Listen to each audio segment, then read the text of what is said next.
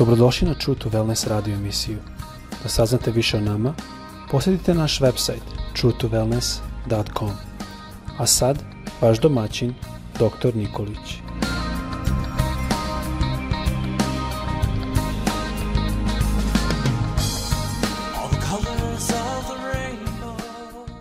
Dragi brate, draga sestro i dragi prijatelju, dobar dan, srdečan pozdrav svima sa željom da vas Bog danas blagoslovi i da napredujete u delu vaših ruku i da Bog bude vaša zaštita. Zaštita u zdravlju, da budete zaštićeni gde god vaša noga kroči. Idemo sada na temu koju smo počeli prošli put. Govorili smo o delotvornoj molitvi.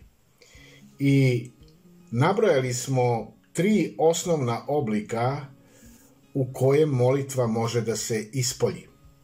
Govorili smo o obožavanju, hvaljenje, drugi oblik jeste molba i treći jeste zastupanje. Pošto smo u prošlom govorili o obožavanju, sada ćemo nastaviti sa molbom i zastupanjem. Vidite, kada govorimo o molitvi, molitva je nešto što je vrlo, vrlo uh, intimno. Intimno između mene i između moga Boga. To je jedan poseban duhovni spoj, posebno jedno zajedništvo i iz nekog mog iskustva ja mogu da kažem da imam iskustvo da kada sam proveo više vremena u molitvi, tada sam mogao da osetim i stvarnu onu Božju radost i prisutnost u mome životu. Teško je e, provesti više vremena. Nekako smo naučili da se molimo vrlo kratko, instant i da radimo stvari i da jednostavno odemo sa molitve. Ali ta kušnja koja nas često puta sprečava da ne nastavimo da molimo jeste isto kušnja koja ne dolazi od Boga. Mi u našim mislima moramo isto dobiti to očišćenje u molitvi. Mi dolazimo opterećeni sa različitim e, potrebama Bogu u molbi i onda nekako izdeklamujemo mu sve, kažemo mu sve i zaključimo sa amin i u prevodu mi u stvari kažemo Bože čuo si sada molim te sad ti stupi na scenu i blagoslovi me. Gospod Bog, on hoće da ima intimno zajedništvo s tobom. Bez obzira kakve ti nosio potrebe, bez obzira kakve su tvoje molbe bile, on hoće da ima zajedništvo sa tobom. I sada idemo na tu molbu. E, drugi oblik, rekli smo, molitve jeste molba. Ja govorim Bogu u molitvi sve moje potrebe i molim ga da mi on pomogne u mojim potrebama. Iz dana u dan ja kazujem ili vapim Bogu da mi prva stvar podari mudrost, druga da me vodi pravim istinskim stazama i da mi da obnovu ili da mi da snagu i da se pobrine za sve moje potrebe. Neki ljudi smatraju da nije u redu da iznose pred Boga svoje lične potrebe, jer je to izraz neke, da kažemo, sebičnosti. Kažu da je pogrešno bilo šta moliti za sebe i da hrišćani trebali bi samo da misle na druge i za druge. I to možemo da kažemo zvuči veoma lepo, ali ne predstavlja nužno i dobru teologiju. E, ja ću sad tu malo objasniti. Svakako da trebamo da se molimo za druge ljude, naravno, i za njihove potrebe, naravno, ali je prirodno, prirodno jeste da se interesujem i za svoje sobstvene potrebe.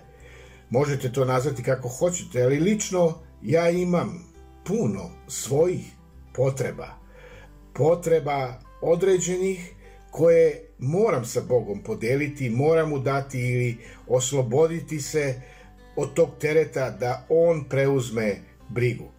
I vidite, e, sve dok ja nisam oslobođen od tereta koje nosim, ne mogu drugima pomagati.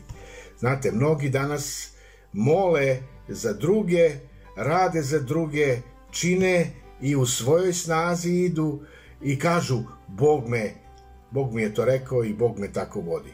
A posle su toliko umorni, toliko nervozni i to sve donesu svojoj porodici, svoje deci, svoje ženi ili svoje mužu. Ono što Gospod želi da u našim molbama kada dolazimo njemu jeste prvo da predamo sve njemu, da on to uzme, da jednostavno on zadovolji te sve moje potrebe. I zato pismo tu je isto vrlo jasno i kaže da zemljoradnik koji se trudi treba da okusi prvi od plodova.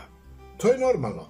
To nalazimo zapisano u drugoj Timoteju, Novo, Novi Zavet, druga glava, šesti stih. Drugim rečima, ne možete nekome drugome dati ono što i sami nemate.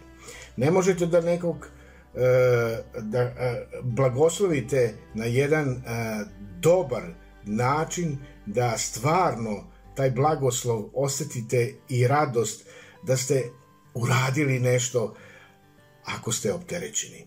Jako je bitno da Bogu prvo predamo svoju potrebu i ono što imamo.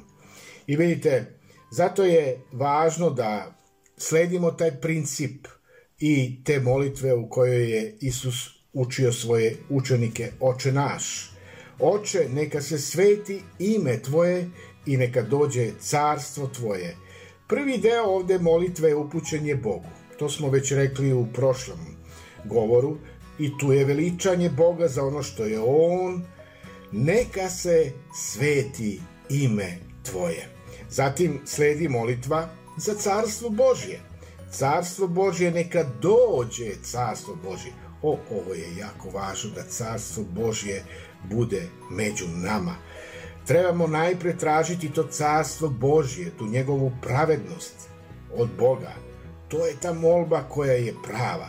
I deo molitve koji sledi glasi ono što nam je potrebno i za ovo telo. Hleb naš, nasušni ili potrebni, daj nam danas. Vidite, Znači imamo mi svoje ovde potrebe. Isus je jasno to i učio svoje učenike. Kada moliš, imaš ti svoje potrebe. Normalno da moliš za te potrebe. Ima mnogo potreba i Bog želi da mu ja govorim o mojim potrebama. I ničeg lošeg nema u tome da od Boga zatražimo da se On pobrine za naše i račune i ono što imamo kada je u pitanju sve oko kuće i sve, sve apsolutno naše potrebe. Idemo sada na sledeći aspekt e, molitve, a to je zastupnička molitva. I pokušat ću da budem ovde jasan i kratak. E, šta je u stvari zastupnička molitva? Sama reč kaže, to je zastupanje. Zastupanje, to je vrsta molitve koje bi se mogla nazvati jedan posao. Poštovanje Boga nije rad. Tu da budemo jasni. I ono je doživljavanje u stvari slave. Ono je spontano, divno zajedništvo sa Bogom. Nije ni izlaganje svojih potreba Bogu neki posao, jel? Jer sam, jer sam ja jednostavno zainteresovan da Bog čuje moju potrebu i da mu to dam. To nije neki poseban posao. Ja samo kažem, oslobađam svoje srce i svoje biće od mojih tereta. Ali kada mi govorimo o zastupničkoj molitvi, onda možemo reći, ako se uključimo u takvu zastupničku molitvu, mi u stvari šta radimo? počinjemo stvarno nešto da radimo. I ovo je važno da imamo na umu. Pa, apostol Pavle je e, tu bio vrlo jasan kada je govorio tamo u crkvi Kološanima, Kolosi, on je spomenuo svog jednoga prijatelja Epafrasa, jednog svog saradnika koji mu je bio blizak. I kaže, pozdravlja vas, misli se na crkvu Korinsku, pozdravlja vas zemljak Epafras, služitelj Hrista, Isusa, koji se jednako za vas bori ili e, e, nalazi se u molitvama. Vidite, molitva se ovde označava kao e, zastupajuća molitva. Taj brat Epafras, on je zastupao vernike u Korintu i iznosio je njihove potrebe Bogu. Zastupničkom molitvom mi u stvari šta radimo? Mi dodirujemo stvari koje su izvan našega malog sveta. I u takvoj molitvi ja ne molim samo znači, za sebe i za svoje potrebe, nego u zastupničkoj molitvi ja molim za molitve za ljude koji su oko mene, za ono što sam primetio, za porodice, e, moji prijatelja, susede, komšije, jel, koji još ne poznaju Isusa Hrista. Molim za one koji su u telu Hristovom, to su moje braća, to su moje sestre, i ja iznosim pred Boga sve raznovrsne potrebe drugih ljudi koje sam ja zapazio ili sam sa njihovim potrebama upoznat. Znači, da zaključimo, govorili smo sada koliko je važna ta molitva e, molba u kojoj mi imamo blisko zajedništvo sa Bogom i govorili smo o tom aspektu molitve, zastupničke molitve za drugoga. Neka vas gospod blagoslovi. Mi ćemo u sledećem, e, sledećoj poruci ići dalje i govorit ćemo i dalje o molitvi i govorit ćemo šta je borba, kako je to područje borbe, jer smo rekli da je molitva u stvari duhovno oruđe u kojem mi pobeđujemo neprijatelja. Do sledećeg slušanja Bog vas blagoslovio. Amin.